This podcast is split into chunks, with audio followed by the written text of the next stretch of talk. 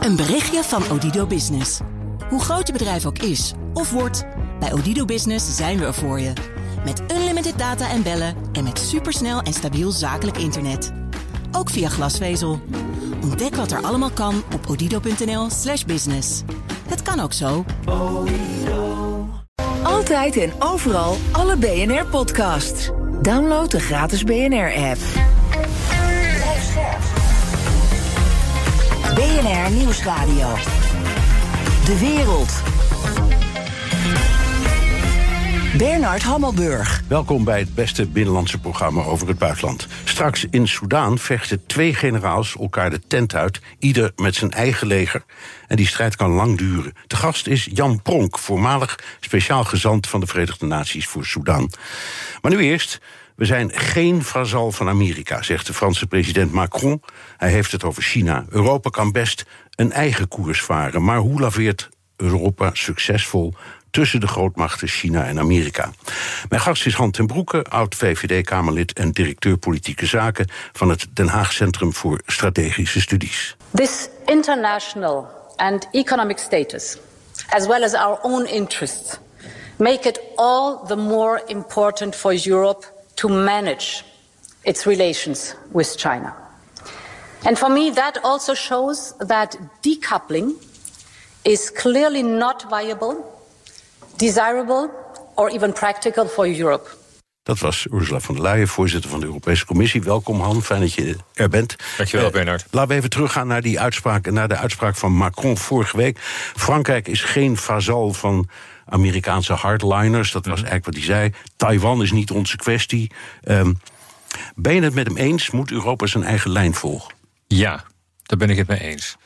Um, ik denk dat we uh, een klein beetje naïef zijn in de mate waarin we ons um, denken uh, te kunnen verzoenen met Amerikaanse belangen. Want Amerikanen zijn op dit moment keihard als het gaat om hun oppositie uh, richting China. En daar is alle begrip voor. Het is, in de Amerikaanse politiek zijn ze het over bijna niets eens, behalve over China. Ja.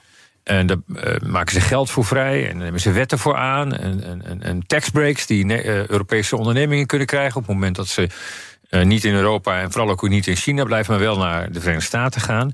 Het is dus, ze zijn op ramkoers. Ja. Een, een, een, is een confrontatiekoers. En dat kunnen we ons helaas niet permitteren. Nee, maar ja, ik, als Europa. Heet van de pers, zou ik maar zeggen. Het IMF heeft net berekend dat uh, over vijf jaar Amerika, uh, China echt Amerika ruimschoots heeft ingehaald. Nou zeggen ze dat altijd, dat weet ik wel. Dus je mag, moet het met de korrel zout hebben. Maar toch voor de Amerikanen geen prettig idee. Ik, ik roep jou in herinnering. en ik denk dat je van ons VBJ, die waarschijnlijk daar het meest over, over weet en zegt weer voor de geest kan halen. Begin jaren tachtig zagen de Amerikanen en Japan een enorme bedreiging. Ja. Was de Senaat en het Huis van Afgevaardigden ook in staat om ineens miljarden dollars vrij te maken voor steun van de uh, Amerikaanse economie? Want de Japanners zouden het eigenlijk gaan overnemen. En zover hebben de Amerikanen het niet laten komen. Dus Amerika is een geopolitiek uh, dynamisch land. Um, en wij vergissen ons soms in de mate waarin Amerikanen bereid zijn om ook binnen een coalitie, hun eigen coalitiegenoten, uh, ja, de duimschroeven aan te draaien. We hebben het eigenlijk recent gezien met het bezoek van Mark Rutte aan het Witte Huis. En toen ASML niet alleen zijn aller um, meest geavanceerde lithografiemachines uh, vervolgens niet meer mocht exporteren, maar ook nog die daaronder. En een week later stond in de Rose Garden, als ik het goed heb, um, de Japanse minister van Handel. En die, nou, die waren de duimschroeven ook aangeduid. En die deed hetzelfde. Waarmee ik niet wil zeggen dat ik geen begrip heb voor wat de Amerikanen aan het doen zijn. Maar er moet een alternatief zijn binnen onze westerse coalitie voor de Amerikanen in ons eigen belang. Wat alleen, en daar ben ik het niet mee eens, op het moment dat Macron terugkomt van een reis waarin hij vooral het Franse bedrijfsleven van veel opdrachten heeft voorzien. Vervolgens 140 Airbus-toestellen verkocht, ja. eventjes. Ja, ja precies. Nou ja, goed, dat hadden ze natuurlijk ook met Iran al gedaan voordat eh, de, de, de Iran-deal werd eh, verscheurd door Trump. Maar op het moment dat Macron met een Franse delegatie van uh, zakelijke leiders probeert contracten te sluiten en daarna in naam van Europa zegt uh, we zijn eigenlijk hier. we zijn, dit is niet ons conflict als hier een conflict uitspreekt. Op het moment dat de Amerikanen eigenlijk ons echte eigen conflict, namelijk Oekraïne, zo'n beetje in hun eentje uh, overeind houden Ja, dan snap ik dat Amerikanen, van senatoren tot Amerikaanse belastingbetalers, zeggen: hoofdvriend. Um, misschien moet je dan Oekraïne zelf maar eens gaan oplossen. Want als jij niet bereid bent om geloofwaardig onze afschrikking op China in Taiwan en rondom Taiwan uh, vorm te geven, ja, dan, um, dan haal je ons onderuit. Oké, maar Macron zegt: Taiwan is ons probleem niet. Nee, dat heeft hij ongelijk. Want Taiwan is wel degelijk ons probleem.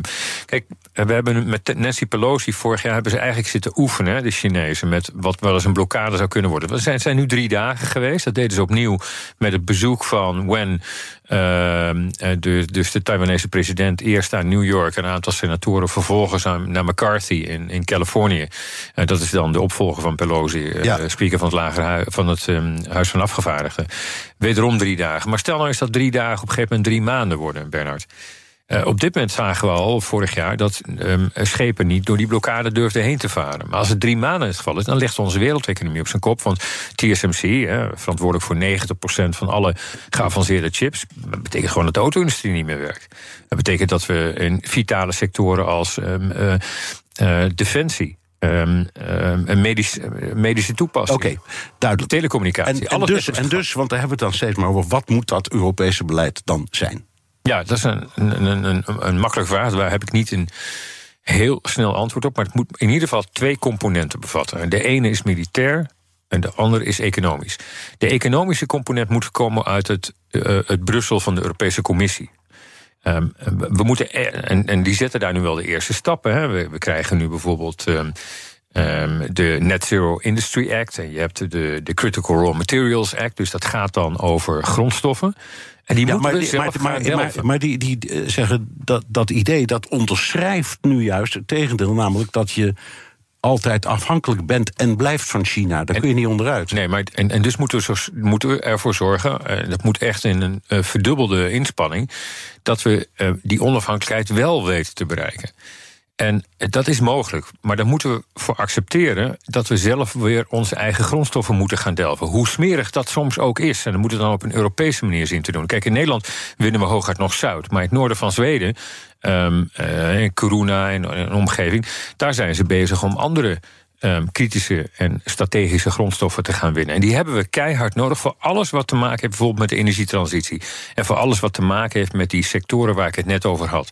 Op dit moment is het zo de meeste van die grondstoffen, bijvoorbeeld of in China zelf, dan wel in Afrika, maar dan in Chinese eh, mijnen, althans mijnen die in Chinese handen zijn, worden gedolven. En daarna worden ze opgewerkt of geraffineerd, vaak ook in China. Um, het geldt zelfs voor een deel van de Taiwanese chips, um, dat ze weer worden um, uh, teruggebracht naar China om te worden opgewerkt. Vervolgens naar Taiwan gaan, dan worden ze afgemaakt en dan gaan ze weer terug naar China om in getallen als 150.000 Um, uh, mobiele telefoons die we hier op de tafel hebben liggen, iPhones, om daar weer terug in te worden gezet. Dus we zitten in die hele toevoerketen zitten we een aantal keren helemaal fout. Wat doen de Amerikanen? Die openen weer kobaltmijnen. En wat doen wij? En we nemen de ene na de andere IMVO-wetgeving. Wij organiseren topconferenties, dat doen wij. Ja, wij, wij zeggen het is uh, not in my backyard, hè, die kennen we wel. Maar het is ook not under my backyard. Want sommige van die delfstoffen moeten we onder de grond weer gaan, gaan, gaan halen. En het is vooral not on my bill, want dat mogen de Amerikanen dan ook nog doen. Nou, die, die houding, die economisch um, uh, destructieve houding van Europa ja, die moeten we laten varen. En op militair gebied vind ik dat we meer moeten doen in de NAVO. Een, een Europese poot in die NAVO heb ik hier wel eens vaker bepleit. En dat betekent dat we ook bereid moeten zijn om in de Taiwanese zee bij te dragen. En daar dragen dus die uitlatingen van, van Macron. Nou, we hebben één schip meegestuurd, hè? De laatste ja. keren dat daar actie was. Dat klopt, en dat is voor show of flag, noem je dat dan, is dat prima. Nou, dat is toch duidelijk een ja. symbool. Dit is BNR De Wereld. Mijn gast is Han ten Broeke, directeur politieke zaken van het Den Haag Centrum voor Strategische Studies we realiseren ons allemaal, die transatlantische band is natuurlijk uh, essentieel. Uh, en, en tegelijkertijd wil je ook als Europa in staat zijn om op dat wereldtoneel uh, de eigen geopolitieke posities goed te kunnen markeren. Dat is iedere keer de balans die we met elkaar zoeken. En daarom is juist ook die coördinatie zo belangrijk. Dat is een partijgenoot van jou. Ja. ja. Dat was de persconferentie met uh, Macron. Ja. Um, en uh, hij wees, Rutte wees, wat hij altijd doet en vaak doet, op de transatlantische relatie. De noodzaak daarvan sluit aan op wat jij net zei uh, over de NAVO. Macron gaf juist een beetje de indruk dat hij zich ook daarvan wil afwenden. En we zijn geen schoothondjes. Dat was een beetje zijn, zijn, zijn stelling. Rutte moest op die dag, vorige week, moest hij natuurlijk een klein beetje koorddansen. Omdat Macron zichzelf met die uitspraak over Taiwan enorm in de problemen had gebracht. En de hele anglo-saxische wereld, alle publicaties. Iedereen was woest, tot, dat is waar. Tot de New York Times hadden zich daar uh, woedend over uitgelaten. Uh, dus dus uh, Rutte moest een klein beetje als een soort bumper fungeren voor, voor de, het inkomende staatshoofd uit Frankrijk. Uh, dat deed hij overigens keurig en heel behendig. En het is ook goed dat Rutte altijd die transatlantische band voorop stelt. En ik denk ook dat, en daarom moeten we ook zo snel mogelijk af van die uh, die term strategische um, autonomie. Want dat autonomie. Is ook, dat is ook Macron, hè? Dat, dat ja. is ook Macron, maar dat is ook von der Leyen. Dat is helaas ook nog steeds de goede gemeente van de Haagse uh, coterie rondom zeg maar, buitenlandse zaken, um, uh, handel. ook in het Haagse spraakgebruik is autonomie nog steeds de term. Maar autonomie is heel simpel. Dan suggereert dat je niet alleen voor jezelf denkt, maar dat je ook voor jezelf doet. Dus ja. dat je alle assets, alle mogelijkheden hebt. Verwarren ze hier autonomie met soevereiniteit? Ja, en ja. soevereiniteit betekent dat je zelf denkt, maar dat je voor je assets, voor je middelen, bij bondgenoten ook buiten je eigen continent eruit ja, moet gaan. En Oekraïne is, het, is, is point in case. Bewijst nou, dat we dat niet alleen kunnen. Bruno Le Maire, de, de, de, minister van Buitenlandse Zaken van Macron... Uh, ook iets waarvan ik dacht, ja, daar heeft hij wel een punt. Hij zegt, de Amerikanen en de Chinezen die zitten in de strijd. Amerika eist eigenlijk van ons dat we een keuze maken... maar ze doen zelf niks. Zij verbreken hun economische banden niet. Integendeel, die groeien. Ja. En wij moeten als een soort uh, nou, schoothondjes maar uh, doen wat meneer Biden roept. Ja. Hij kan ons wat, doen gewoon niet omdat de Amerikanen hun strategie gewoon voor elkaar hebben. Die, die vinden het helemaal geen probleem om het een te doen en het ander te zeggen. En, en, wij lijken een keus te willen maken. Nou, die keus hoeven we niet te maken. Um, China is een handelspartner, blijft dat ook. We gaan naar een wereld waarin je helaas je niet meer kunt permitteren... om dan wel de koopman, dan wel de dominee... om die oude Hollandse vergelijking nog maar eens weer van stal te halen, uit te hangen. Omdat de landen tegenover wie je dat doet... altijd een alternatief hebben voor beide. Ze kunnen altijd naar een ander om dezelfde dingen te verkrijgen die ze willen hebben. En dat betekent dus dat je in je buitenlandbeleid, en daar gaat het in de kern alleen maar om, kun je jouw macht, kun je invloed projecteren, um, uh, ja, dat je een, een, middel verloren hebt. Dus we zullen die handel, hè, neem Volkswagen, 40% van de Volkswagens wordt gewoon in China nog steeds verkocht. Als Volkswagen dat niet meer kan doen, en gemaakt, ja. als Volkswagen dat niet meer kan doen, dan valt Volkswagen om, valt de Duitse industrie om, valt heel veel maakindustrie in Nederland om, uh, kan Duitsland niet meer het trekpaard zijn voor Europa, kunnen we onze sociale voorzieningen uh, gedag zeggen. Dus dit is een, een, een keteneffect wat dan ja, ontstaat. Oké, okay, en nou kijkend naar Amerika, um, hebben we daar, zijn we, nou ja, zijn we die schoothond? Waar, waar Bruno Le Maire en Macron ja, het over, over hadden. Laat het zo zeggen, de, we, we, hebben in ieder geval... we zijn nog een beetje zo'n puppy... wat nog niet precies weet wat het moet doen... om los van um, uh, de grote broer... Ja, zijn eigen pad te, te, kiezen. En dat eigen pad, dat moet er wel komen. Dus we moeten meer nadenken over wat een Europese weg is. Nogmaals, op economisch terrein zijn we een superpower, vooralsnog. Maar dat, dat blijven we niet door alleen maar te denken in termen van um, uh, uh, mensenrechten. Um, we zullen bijvoorbeeld dan ook, hè, grondstof is niet altijd een fijn, fijn thema, want die moet je delven in landen die niet altijd heel leuk zijn. Maar laten we dat dan op een Europese manier doen. En laten we dat ook in het Europese continent doen waar het mogelijk is. Nou, en op militair gebied vind ik dat we een zelfstandige pijler, een zelfstandige pilaar een Europese pilaar onder de NAVO moeten bouwen. Ja. En daar kan het niet zonder uh, de alliantie die zichzelf overigens nu weer bewezen heeft. Ja, dat is zeker. En het blijkt ook hoe sterk dat op Amerika leunt. Ja. En er stond op Reuters een paar weken geleden een uitspraak van iemand die zei: als, Amerika, als Rusland binnenvalt in Europa en Amerika is er niet, ja. dan hebben wij precies um, munitie voor één dag. Bernard, is nog veel erger. Als uh, de Taliban na twee jaar dat de Amerikanen hebben aangekondigd weg te gaan uit Afghanistan, uh, Kabul onder de voet lopen. Um, en de Amerikanen vertrekken van die, van die luchthaven, die kleine luchthaven daar.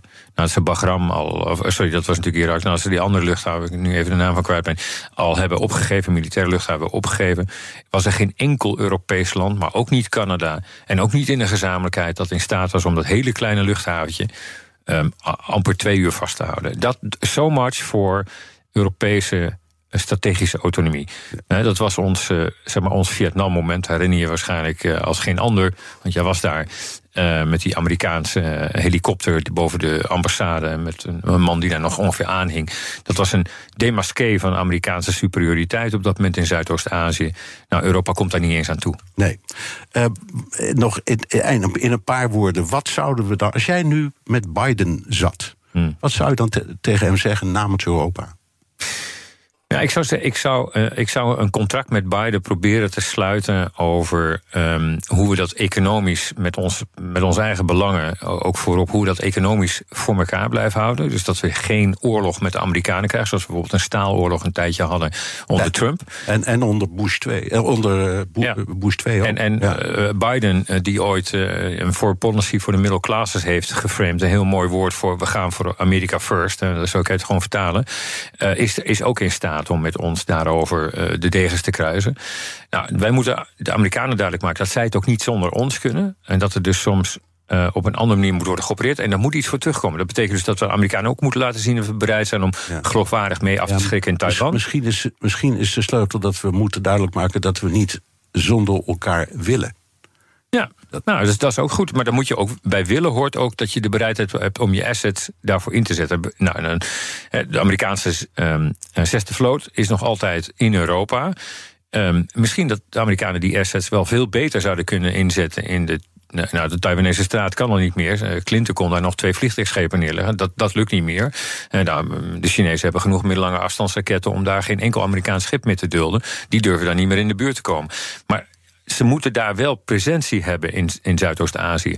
Nou, dat, dat kunnen ze makkelijker op het moment dat wij in onze eigen achtertuin of onze binnenvijver, de Middellandse Zee, dat we daar onze eigen buitengrensbewaking gaan doen. Dat kan. Dus hebben genoeg maritieme naties, waar Nederland er één van is, eh, die prima um, schepen hebben om dat zelf op te knappen. Maar we doen het niet. Dank. Han ten Broeke, oud-VVD-Kamerlid en directeur politieke zaken van het Den Haag Centrum voor Strategische Studies. Blik op Europa. We kijken naar Europa met eh, Europa-verslaggever Geert-Jan Haan. Geert-Jan, Hand en Broeke is dus voor een duidelijk eh, Europese uh, China-strategie. Hoe staat het Europese parlement daarin? Het Europese parlement heeft deze week ja, eigenlijk hetzelfde gezegd. We hebben een duidelijke China-strategie nodig vanuit Europa. We hebben de woorden duidelijkheid en eenheid. Die vielen de hele tijd. Er moet een update komen, want die China-strategie vanuit Europa is van 2018. Commissievoorzitter von der Leyen en de hoge buitenlandvertegenwoordiger Borrell... die waren het eens met die oproep van het Europese parlement. Tot tevredenheid dan weer van een van de lidstaten... van een president van een van de lidstaten, dat is Gitanas Noceda. Die was deze week in Nederland. Ik sprak hem en hij noemt de huidige Europese strategie verwarrend. So far I have to admit that um, we do not have common policy on China. And many times uh, I, it was a little bit confusing to me as we uh, were talking about China uh, triplefold uh, as a partner, as a competitor, and as a strategic rival. Ja, de president van Litouwen, Noseda, was in Nederland om met premier Rutte de volgende NAVO-top voor te bespreken. Want die is op 11 en 12 juli in veel nieuws die gaat dan ook voor een deel over de dreiging vanuit China. Een derde van de NAVO-top moet dan over onze omgang met China gaan. En dat is nodig, want een jaar geleden in Madrid kwamen de NAVO-landen er niet echt uit over hoe ze nou onze relatie met China moeten formuleren. De laatste weken zijn eh, heel wat Europese leiders naar Peking geweest. Waar gaat dat toe leiden?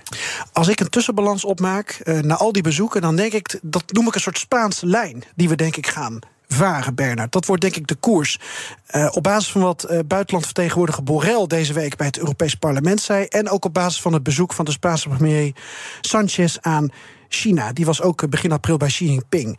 Nou, wat zegt. Um, uh, Borrell uh, precies. Uh, en wat zeggen ze eigenlijk los van elkaar? We werken met China samen waar het moet. We houden China te vriend waar het kan. En die drie kwalificaties die de Litouwse president ja, verwarrend noemt, die blijven we dus wel houden. Dus China blijft een partner, een concurrent en een systeemrivaal. Maar Bernard, er zit een verschil in. We moeten iets van breekpunten gaan opstellen. We moeten rode lijnen gaan trekken. En wat zijn die rode lijnen dan? vier punten volgens Borrell dan, waar China niet aan mag tornen. En de EU niet aan voorbij mag gaan. Daar moet die update van de China-strategie over gaan. Eén, de economie en de economische veiligheid van de EU. Die staat. Um, vast. De oorlog in Oekraïne is een breekpunt. Als China zich militair achter Rusland zou scharen, is dat voor ons een breekpunt, zegt Borrell. Taiwan-issue, zoals hij dat noemt. Oftewel, als China iets in Taiwan zou doen, dan moeten we dat ook als een breekpunt zien.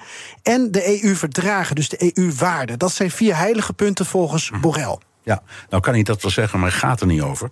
Hoe staat uh, commissievoorzitter Ursula von der Leyen in de wedstrijd? Ja, Borrell zei dat ook duidelijk trouwens. Het is eigenlijk me, ik spreek namens mezelf. Maar ik denk wel dat hij wat steviger de piketpaaltjes heeft geslagen dan von der Leyen. Die wel met hem eens is, maar altijd wat, wat agressiever is in haar toon. Hè, en um, ja, wat meer uh, die. die ja, hoe zeg je dat? Um, met, met China en, en Rusland ook natuurlijk. Ze zit verder op de bal. Borrell is toch wat meer de diplomaat. Dat is volgens mij ook hoe jij ernaar kijkt. Is wat diplomatieker. En Borrell geeft dus aan: dit zijn de breekpunten. En von der Leyen wil eigenlijk een nog strakkere Europese lijn. Ja. Um, dus zij, Borrell zegt Bernard, om het kort te houden. Landen hebben ook nog steeds een eigen buitenlandbeleid. Dus we krijgen een gemeenschappelijk Europese strategie ten aanzien van China. Maar mensen, uh, landen als Litouwen, hebben nog steeds hun eigen ruzietjes soms met China. En dat kan dat mag Nederland op een andere manier naar kijken. Oké, okay, Borrell en Van der Leyen hebben het niet over het ontkoppelen van de economie. Nee. Lijkt me terecht, want het is onmogelijk. Maar er zijn Europarlementariërs die dat wel willen. Klopt, maar dat is dus niet het pad waar we waarschijnlijk op gaan. Als je luistert naar Von der Leyen en luistert naar Borrell. We moeten China uh, nog steeds ergens op kunnen aanspreken. Uh, zonder dat we bang zijn dat de Chinese draak dan vuur gaat spuwen richting uh, Europa. Maar we kunnen inderdaad niet ontkoppelen. Dat is eigenlijk toch een breed gedragen kijk vanuit Europa op China. Dank, Europa-verslaggever Geert-Jan Haan. Interview met de Litouwse president is te beluisteren in de nieuwste Perestroikast. En die vind je in de BNR-app. Een berichtje van Odido Business. Hoe groot je bedrijf ook is of wordt, bij Odido Business zijn we er voor je. Met unlimited data en bellen en met supersnel en stabiel zakelijk internet. Ook via glasvezel. Ontdek wat er allemaal kan op odido.nl/slash business. Het kan ook zo. De mensen van Aquacel houden van zacht. En dat merk je aan alles. Dankzij hen hebben we nu echt zacht water en een kalkvrij huis. Voor hun klanten zijn ze zacht. Dat zijn ze trouwens ook voor elkaar. Voor ons zijn zij de kracht van zacht. Aquacel. 100% zacht water, 100% kalkvrij. BNR Nieuwsradio. De wereld. Bernard Hammelburg. In Soedan is het staakt het vuren dat gisteren tussen twee elkaar bestrijdende legers was afgekondigd alweer geschonden. Volgens de Nederlandse ambassadeur in Soedan, Irma van Duren, komt het conflict niet uit de lucht vallen. Het was twee weken geleden ook al gespannen. Um, eigenlijk uh, gaat het tot nog verder terug in de tijd. Uh, er is een overeenkomst gesloten in december tussen uh, burgerleiders en deze militairen, die nu onderling aan het vechten zijn, dat de militairen de macht zouden overdragen aan de burgers. Maar er moesten een aantal onderwerpen nog uitonderhandeld worden. En uh, een van de onderwerpen was uh, wie het leger gaat leiden en hoe het leger eruit gaat zien. Mijn gast is Jan Pronk, oud-minister van Ontwikkelingssamenwerking en van Milieu en voormalig speciaal gezant van de Verenigde Naties voor Sudan. Dag meneer Pronk. Goedemiddag. Uh, Sudan is een soort Libië, als ik er zo naar kijk. Eén land met twee nationale legers. Hoe zit dat? Er is na de deling van Soedan tussen Noord- en Zuid-Soedan een voortgaande strijd geweest in Darfur. En dat was dus binnen het noorden van Soedan. Nou, daar werd gevochten tegen de bevolking door een paramilitaire beweging zonder gezicht, de Janjaweed. Die waren in belangrijke mate wel een pion in de handen van Bashir. Nou, die paramilitaire beweging, de Janjaweed, die heeft zich ontwikkeld door Bashir tot een macht in Khartoum zelf. Eerst om Bashir in het zadel te houden en later door eigenlijk te streven naar eigen macht en eigen gewin in Noord-Soedan zelf. Dat heeft zijn gevolgen gehad voor het neerdrukken van de burgeropstand die in Khartoum zich voordeed uh, rond 2019. En toen zijn beide rivalen, Burhan en Hemeti, met elkaar opgetreden. Samen ze hebben toen op een gegeven moment overleg gehad met burgergroeperingen om te komen tot een burgerregering. Dat is twee keer mislukt. En toen zijn de spanningen toegenomen tussen de beide rivalen. Het gaat dus ver terug, zeker tot het begin van deze eeuw, toen de strijd in Darfur ontbrandde. Ja, ja eh, we herinneren ons die verschrikkelijke verhalen, onder andere uit uw mond, want u hebt daar veel van waargenomen. Dat was een complete slachtpartij onder de bevolking daar. Um, het was hoe erg het ook klinkt, eigenlijk, als je door de geschiedenis kijkt, één van de vele hoofdstukken in een hele bloedige geschiedenis. Wat is er nu toch mis in dat land dat het na zoveel jaar niet uh, in staat is om een klein beetje mee te doen in de vaart der volkeren? Meneer Hammerburg, dat geldt niet alleen voor Soudaan. Eigenlijk kun je zeggen, hoewel er grote verschillen zijn, dat er bijna geen enkel Afrikaans land is dat zich heeft weten te ontwikkelen na onafhankelijk te zijn geworden tot een uh, zelfstandige, autonome natiestaat die niet geplaagd wordt door interne tegenstellingen. En dat is voor een deel het gevolg van het koloniale tijdperk, van de manier waarop de dekolonisatie heeft plaatsgevonden. Ook het gevolg van de Koude Oorlog uh, nasleep daarna. Maar er zijn weinig landen waar die conflicten zich niet voordoen. Waar het rustig is, waar het economisch voorspoedig is voor de bevolking in, de in hun totaliteit. En een tweede opmerking. Uh, we focussen ons nu op Soudaan. Maar eigenlijk is het probleem in Soudaan meer, als ik het mag uitdrukken in een, een ander woord, behapbaar dan een groot aantal andere landen eh, in Afrika. In Soudaan staan twee. Uh, gestructureerde organen tegenover elkaar. Militairen, Um, die allebei afhankelijk zijn van het buitenland, van wapenleveranties, uh, met een eigen structuur. Ze hebben allebei een eigen gezicht. Maar in de Congo en in tal van West-Afrikaanse landen is dat niet het geval. Daar wordt een regering bedreigd door ja, ondergrondse bewegingen die we nauwelijks kennen.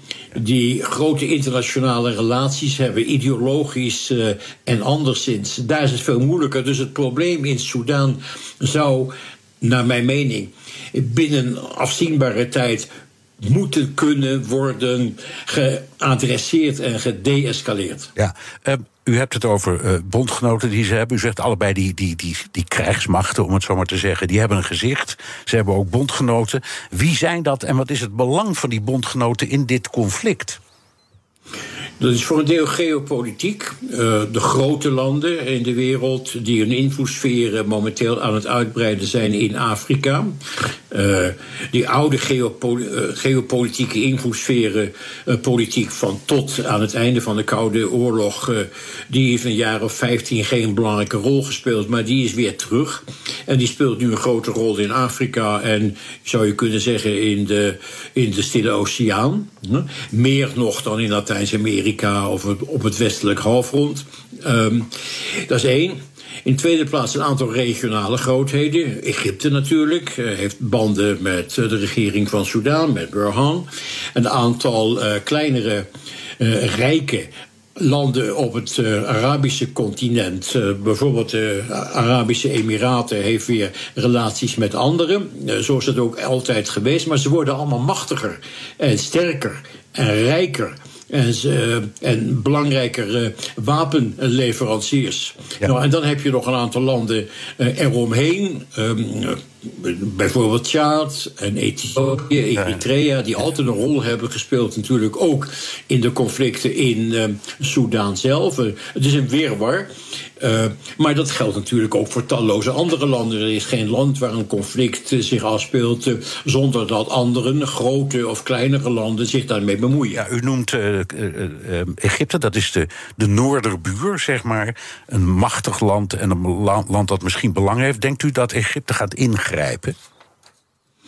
Ik geloof niet dat Egypte ingrijpt. Uh, Egypte heeft zelden echt in het buitenland uh, ingegrepen. Het is ook niet te doen in het buiten, in, in Soedan in te grijpen. Het is een gigantisch groot land. Uh, het was voor de deling het grootste land van Afrika. Een hele lange grens. buitenlands ingrijpen is ondenkbaar. Uh, dat geldt ook voor, uh, met militaire middelen. Dat geldt ook voor uh, buurland Ethiopië, dat ook vaak conflicten heeft gehad met Sudan. Als ik het heb over ingrijpen, dan bedoel ik dus politiek je daarmee bezighouden. En dan zie ik een aantal mogelijkheden.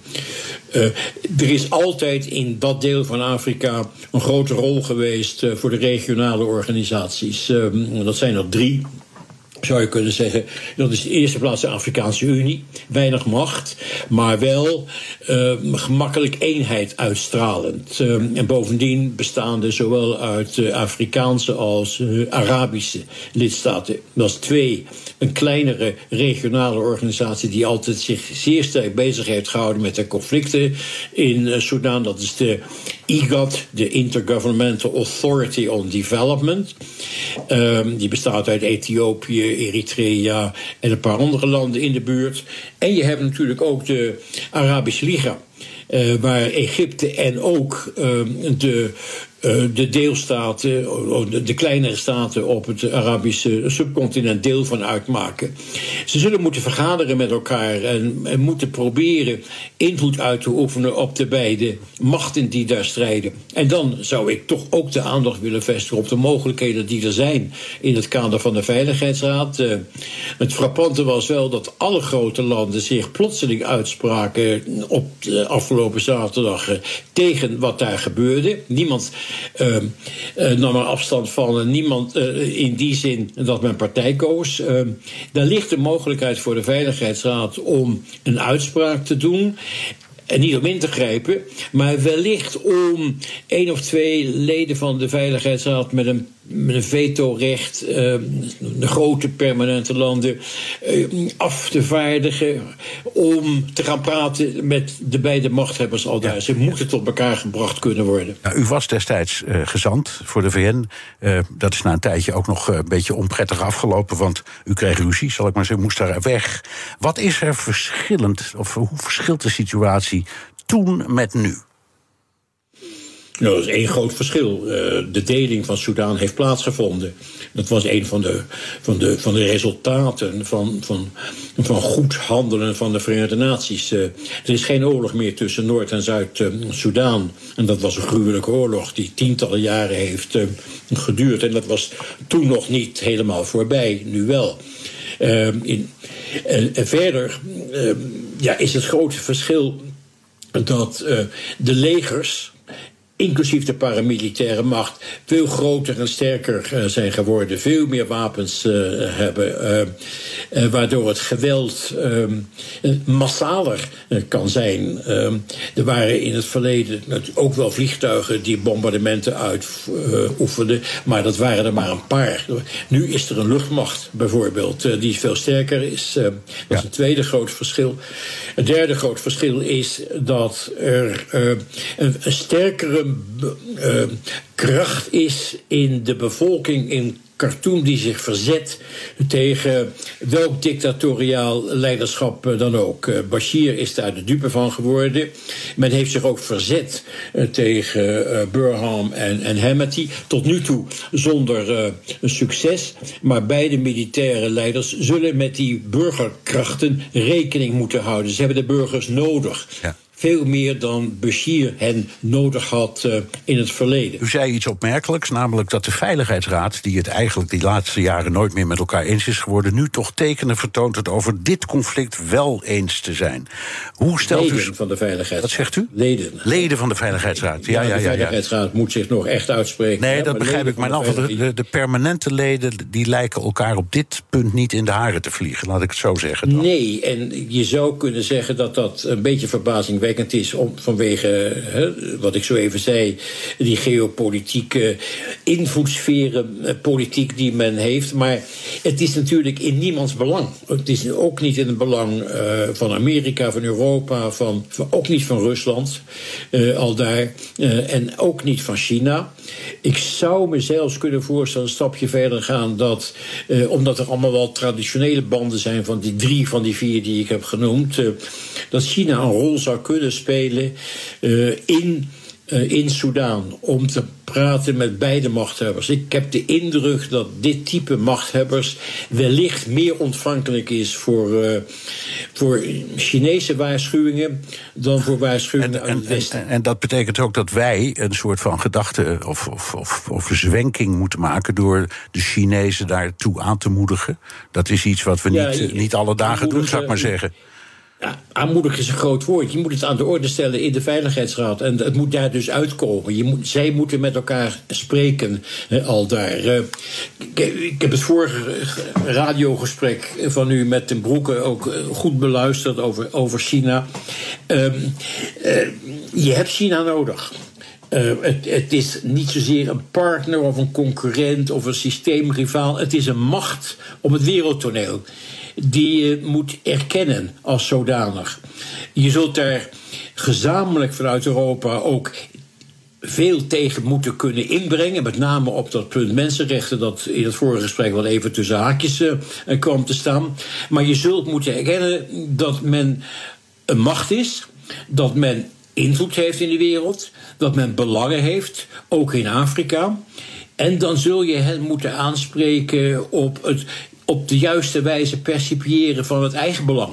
En het eigen belang van geen van de grote landen in de wereld is een, eh, een land als Soudaan dat compleet uit elkaar valt. Zoals dat al het geval is in een aantal andere landen in Afrika, bijvoorbeeld Congo. Ja. Oké, nou ja, ehm, wie weet, dat zou toch een zwenking zijn in de politiek. Dank Jan Ponk, voormalig speciaal gezant van de Verenigde Naties voor Soudaan. Postma in Amerika. Tijd voor het Amerikaanse nieuws door de ogen van onze correspondent in Washington, Jan Postma. Jan, het nieuws van de week was natuurlijk de schikking tussen de stemmachine van fabrikant Dominion en Fox News. Er was af en toe wat leedvermaak over Fox bij de andere nieuwszenders. Ja, die zagen natuurlijk ook wat eh, Fox News heeft verteld. Hè, de complottheorieën over fraude bij die laatste verkiezingen.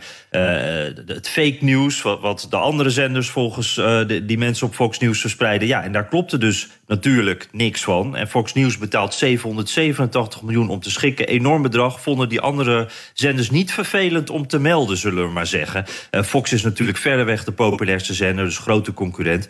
En toen kwam Fox ook nog eens met een behoorlijk over-de-top verklaring... waarin ze alles zo spinnen dat ze zelf eigenlijk amper een onderdeel van dit alles waren. En Jake Tapper van CNN die leest die verklaring voor. issued a statement saying, quote, we are pleased to have reached a settlement of our dispute dispute with Dominion voting systems. We acknowledge the court's rulings finding certain claims about Dominion to be false. The settlement reflects I'm sorry, this is going to be difficult to say with a straight face. This settlement reflects Fox's continued commitment to the highest journalistic standards. We are hopeful that our sorry. Ja, niet echt professioneel natuurlijk. Ik heb mee zitten het kijken. Ik, heb mee zitten kijken en hij kreeg de slappe lach, Jake Tapper. Ja, het precies. niet al- Weet je, dat hele... Ja. Het ging over, eh, we, we- we hopen dat het land nu eh, een verdeeldheid zij... en de rechtszaak bespaard is Ja, gebleven. en wij als, wij als eerlijke en goede journalisten, het is fantastisch. Ja, Oké, eh, even over Ron DeSantis. Die had een slechte dag in Washington.